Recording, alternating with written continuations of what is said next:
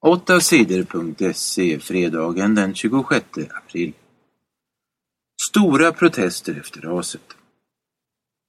Omkring 300 människor dödades när ett hus rasade i landet Bangladeshs huvudstad Dhaka. Fler än tusen människor skadades. Men det finns säkert fler dödade och skadade. Omkring tusen människor kan fortfarande vara kvar i det rasade huset. Olyckan hände i onsdags. Räddningsarbetet håller fortfarande på. Men fortfarande på fredagen hittades levande människor i huset. På torsdagen blev det stora demonstrationer i Dhaka. Flera hundratusen människor protesterade. De var arga för att olyckan hände. I huset fanns bland annat en klädfabrik. Innan olyckan hände hade folk sett stora sprickor i huset. Ändå tvingas arbetarna in i fabriken. Det finns många klädfabriker i Bangladesh.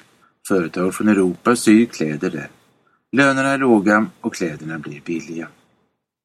Det är vanligt med olyckor i klädfabriker. Ägarna slarvar ofta med säkerheten för att tjäna mer pengar. För ett par månader sedan dog över hundra människor i en brand i en klädfabrik. Fiskare dödades av misstag. I flera år har fartyg haft problem utanför Afrikas kust.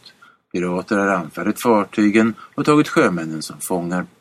Sedan har de tvingat företagen som eh, äger fartygen att betala pengar för att släppa dem.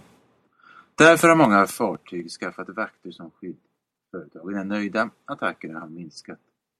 Men nu kommer rapporter om att vakterna dödat oskyldiga människor. Det berättar Ekot i Sveriges Radio.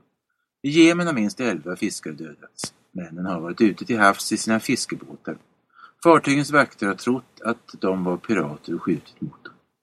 Ett norskt fartyg är bland de misstänkta. Jemens regering har bett Norges regering att, att ta reda på vad som har hänt. Men norrmännen har inte gjort någon undersökning. 38 döda i brand. Natten till fredagen började ett sjukhus i Moskva i Ryssland att brinna. Minst 38 människor dog. Bara tre människor överlevde. På sjukhuset fanns människor som var psykiskt sjuka. Många av dem var inlåsta och kunde inte komma ut. Branden berodde troligen på ett elektriskt fel. Rolf-Göran ligger trea i finalen.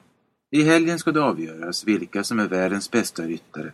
Det är finaler i världskuppen för både hoppning och dressyr. Tävlingarna är i Göteborg. I den första hoppningen på torsdagen klarade sig alla svenskar bra. Ingen rev något hinder. Alla svenska ryttare är utan fel. Det gick allra bäst för Rolf-Göran Bengtsson. Han red snabbt och ligger på tredje plats. På söndag avgörs finalen. Sverige vann över Ryssland. Om en vecka börjar VM i ishockey i Sverige. Sveriges landslag Tre Kronor har kanske hittat formen.